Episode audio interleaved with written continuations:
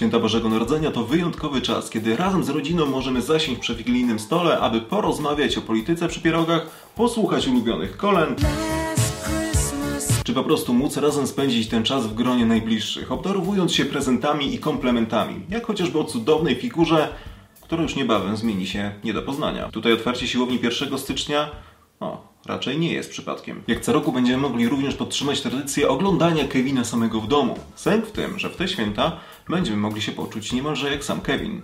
Sami w domu. Rząd nałożył bowiem zakaz spotkań powyżej pięciu osób, oczywiście w ramach walki z pandemią.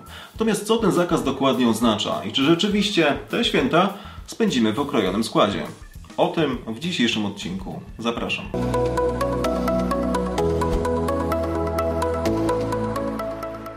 Rządowe ograniczenia przypominają troszeczkę losowanie lotto. Maszyna losująca jest pusta, następuje zwolnienie blokady, a twoje ograniczone prawo w tym tygodniu to. Tym razem padło na święta, a dokładnie ograniczenie liczby uczestników przy wigilijnym stole do maksymalnie pięciu gości.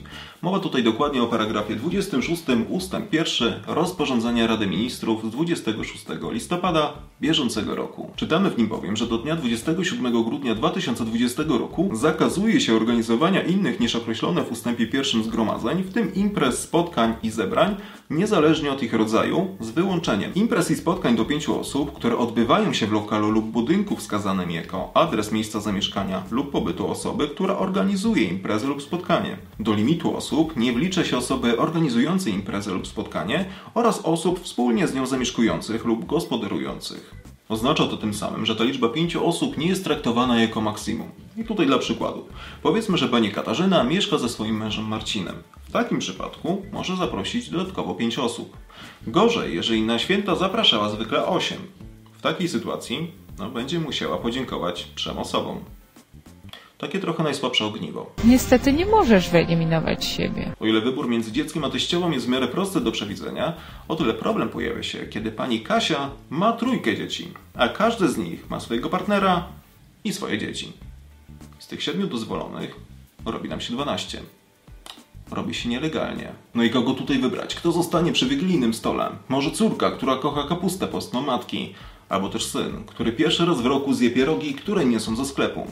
Albo też zostawmy męża córki z dziećmi w domu, lub też po prostu ciągnijmy losy. Zapis ten wydaje się irracjonalny, ponieważ nie mówimy tutaj o Dniu Wszystkich Świętych, kiedy równie dobrze na groby możemy pojechać za kilka dni, ale o tym jedynym dniu w roku, który oznacza dla wielu konieczność przejechania pół Polski albo nawet przylecenie z innego kraju. Wszystko po to, aby razem z rodziną zasiąść do jednego, wigilijnego stołu. Przykładowo możemy jeździć komunikacją, powiedzmy autobusem, gdzie jest 40 osób. Pasażerowie dotykają poręczy, nie zasłaniają do końca ust czy nosa, no ale tam wirus nie jest aż tak niebezpieczny, jak przy wigilijnym stole. Tak samo codziennie ktoś obchodził urodziny. Zaprasza gości i siadają przy wspólnym stole. Natomiast do tej pory rząd jakoś nie widział powodów, aby ograniczyć tą liczbę gości.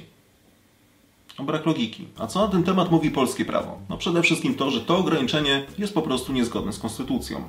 Co więcej, uwaga na to zwróciła Helsińska Fundacja Praw Człowieka. Rozporządzenie, które nakłada ten limit pięciu osób, ma swoje podstawy w ustawie o zwalczaniu chorób zakaźnych. Sęk w tym, że ta ustawa jasno precyzuje, jakie restrykcje może nałożyć rząd. Natomiast wśród nich nie ma środka pozwalającego na taką ingerencję. Oznacza to tym samym, że na podstawie obecnie obowiązujących przepisów rząd nie może ingerować w to, ile osób zasiądzie przy naszym wigilijnym stole. Co więcej, tego rodzaju obostrzenia naruszają artykuł 52 Konstytucji, gwarantujący każdemu wolność poruszania się po terenie kraju.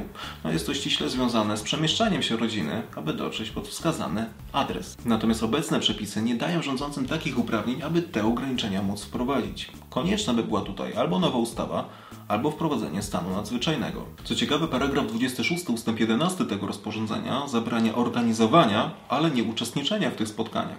Jest to istotne ze względu na artykuł 57 polskiej konstytucji, który określa zasady wolności zgromadzeń. Oznacza to tym samym, że rozporządzenie zabrania organizacji, ale nie zakazuje spotkań niezorganizowanych, spontanicznych, jak na przykład w prywatnym mieszkaniu. Ktoś oczywiście może powiedzieć, że Wigilia przecież jest zorganizowana. Natomiast jeżeli policja albo sanepid tak uznają, będą musiały wskazać organizatora. I tutaj ważne, właściciel mieszkania nie jest automatycznie organizatorem. Przykładowo, postanowiliśmy zrobić mamie niespodziankę i wpaść do niej na obiad.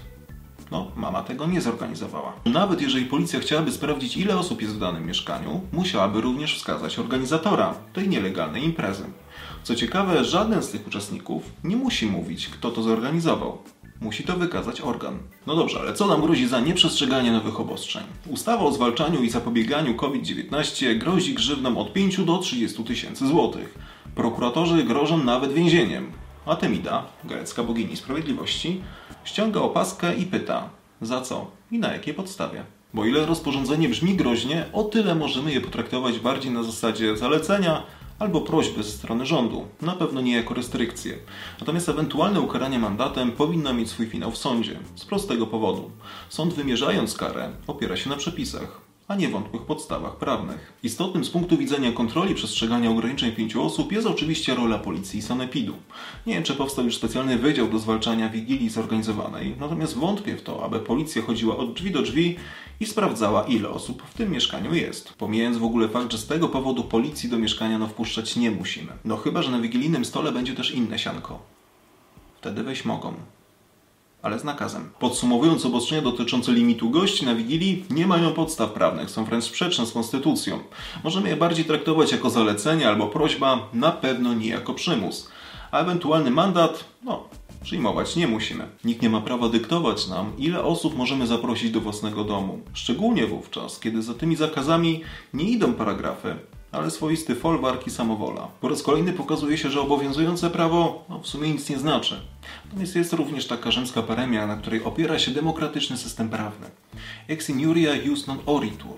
Z bezprawia nie wywodzi się prawo.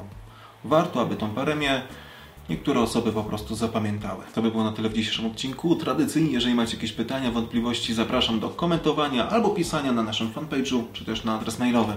Tymczasem ja żegnam się z Wami i do zobaczenia już wkrótce. Cześć.